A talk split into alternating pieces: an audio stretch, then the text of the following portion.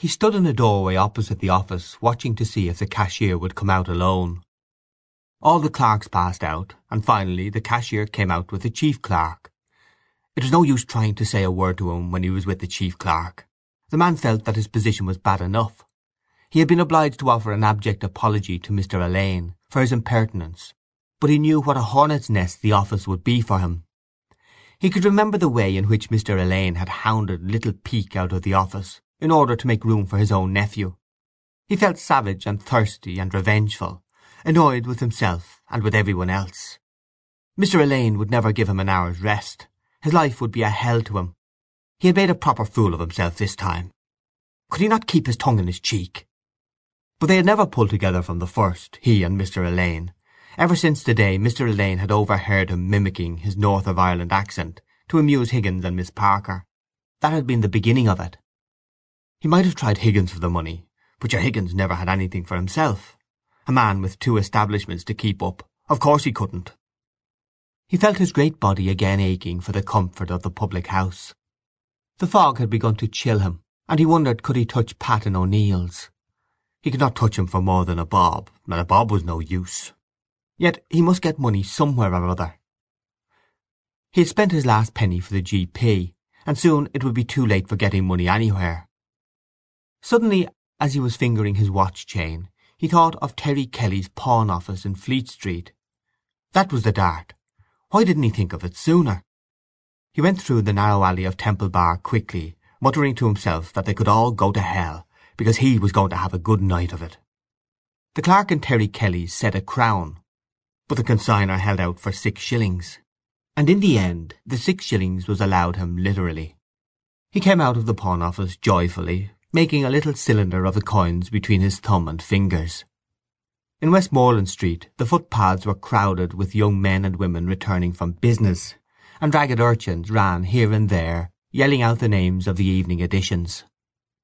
The man passed through the crowd, looking on the spectacle generally with proud satisfaction, and staring masterfully at the office girls. His head was full of the noises of tram gongs and swishing trolleys, and his nose already sniffed the curling fumes of punch. As he walked on he preconsidered the terms in which he would narrate the incident to the boys. So I just looked at him coolly, you know, and looked at her, then I looked back at him again, taking my time, you know. I don't think that's a fair question to put to me, says I. Nosey Flynn was sitting up in his usual corner of Davy Byrne's, and when he heard the story he stood Farrington a half one, saying it was as smart a thing as ever he heard. Farrington stood a drink in his turn. After a while O'Halloran and Paddy Leonard came in, and the story was repeated to them. O'Halloran stood tailors of malt, hot all round, and told the story of the retort he had made to the chief clerk when he was in Callans of Fownes's Street. But as the retort was after the manner of the liberal shepherds in the eclogues, he had to admit that it was not as clever as Farrington's retort. At this Farrington told the boys to polish off that, and have another. Just as they were naming their poisons, who should come in but Higgins? Of course he had to join in with the others. The men asked him to give his version of it, and he did so with great vivacity for the sight of five small hot whiskies was very exhilarating. Every one roared laughing when he showed the way in which Mr. Alleyne shook his fist in Farrington's face. Then he imitated Farrington, saying, And here was my nabs, as cool as you please, while Farrington looked at the company out of his heavy, dirty eyes, smiling and at times drawing forth stray drops of liquor from his moustache with the aid of his lower lip. When that round was over there was a pause, O'Halloran had money, but neither of the other two seemed to have any, so the whole party left the shop somewhat regretfully. At the corner of Duke Street Higgins and Nosey Flynn bevelled off to the left, while the other three turned back towards the city. Rain was drizzling down on the cold streets, and when they reached the ballast office Farrington suggested the Scotch House. The bar was full of men, and loud with the noise of tongues and glasses. The three men pushed past the whining match sellers at the door and formed a little party at the corner of the counter. They began to exchange stories. Leonard introduced them to a young fellow named Weathers, who was performing at the Tivoli as an acrobat and knockabout artiste. Farrington stood a drink all round. Weathers said he would take a small Irish and a Apollinaris. Farrington, who had definite notions of what was what, asked the boys would they have an Apollinaris too, but the boys told Tim to make theirs hot. The talk became theatrical. O'Halloran stood a round, and then Farrington stood another round, Weathers protesting that the hospitality was too Irish. He promised to get them in behind the scenes and introduce them to some nice girls. O'Halloran said that he and Leonard would go, but that Farrington wouldn't go because he was a married man. And Farrington's heavy dirty eyes leered at the company, in token that he understood he was being chaffed. Weathers made them all have just one little tincture, at his expense, and promised to meet them later on at Mulligan's in Poolbeg Street. When the Scotch house closed they went round to Mulligan's. They went into the parlour at the back, and O'Halloran ordered small hot specials all round. They were all beginning to feel mellow. Farrington was just standing another round when Weathers came back. Much to Farrington's relief he drank a glass of bitter this time. Funds were getting low, but they had enough to keep them going. Presently two young women with big hats, and a young man in a check suit, came in and sat at a table close by. Weathers saluted them, and told the company that they were out of the Tivoli. Farrington's eyes wandered at every moment in the direction of one of the young women. There was something striking in her appearance. An immense scarf of peacock blue muslin was round round her hat, and knotted in a great bow under her chin, and she wore bright yellow gloves reaching to the elbow. Farrington gazed admiringly at the plump arm, which she moved very often and with much grace, and when, after a little time, she answered his gaze, he admired still more her large dark brown eyes. The oblique staring expression in them fascinated him. She glanced at him once or twice, and when the party was leaving the room she brushed against his chair and said, "Oh, pardon," in a London accent. He watched her leave the room in the hope that she would look back at him, but he was disappointed. He cursed his want of money, and cursed all the rounds he had stood, particularly all the whiskies and Apollinaris which he had stood to Weathers. If there was one thing he hated it was a sponge. He was so angry that he lost count of the conversation of his friends.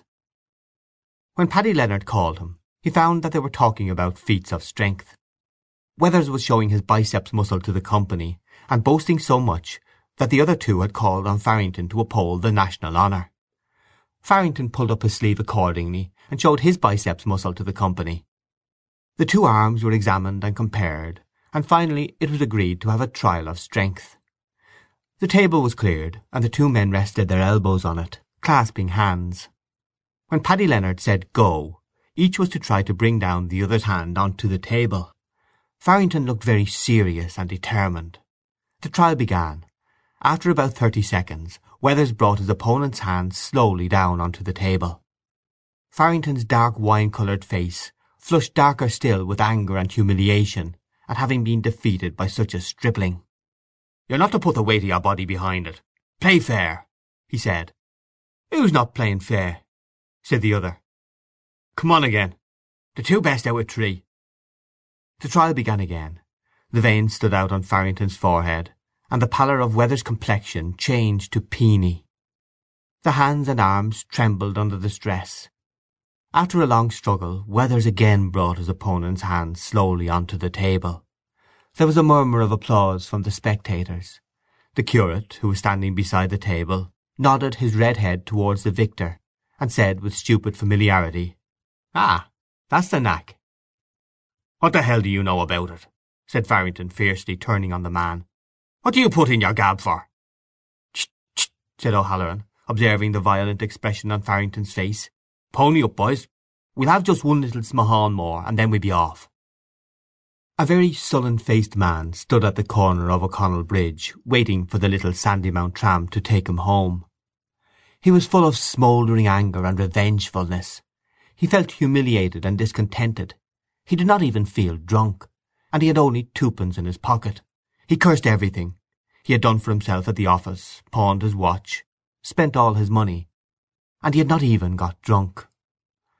He began to feel thirsty again, and longed to be back again in the hot reeking public house. He had lost his reputation as a strong man, having been defeated twice by a mere boy.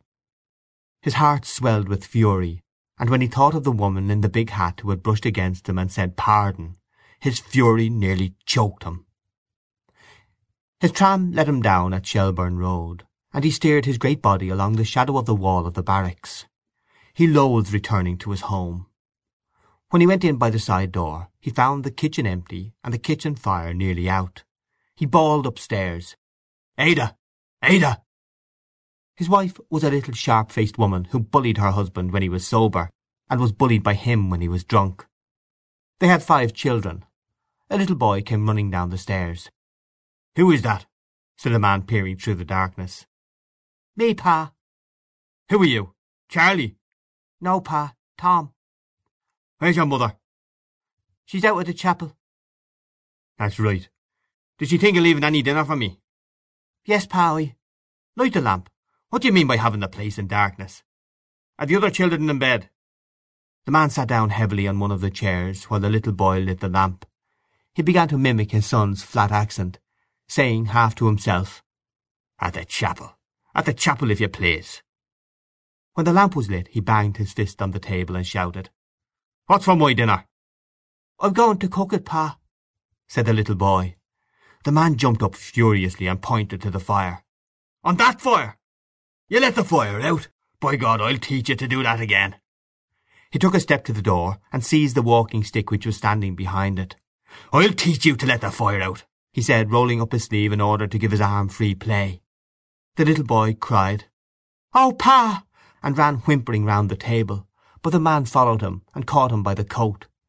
The little boy looked wildly about him, but seeing no way of escape fell upon his knees. "Now you'll let the fire out the next time!" said the man, striking at him vigorously with a stick. "Take that, you little whelp!" The boy uttered a squeal of pain as the stick cut his thigh. He clasped his hands together in the air, and his voice shook with fright. "Oh, Pa!" He cried. "Don't beat me, Pa! And I'll, oh, I'll say a Hail Mary for you! I'll say a Hail Mary for you, Pa, if you don't beat me! I'll say a Hail Mary!"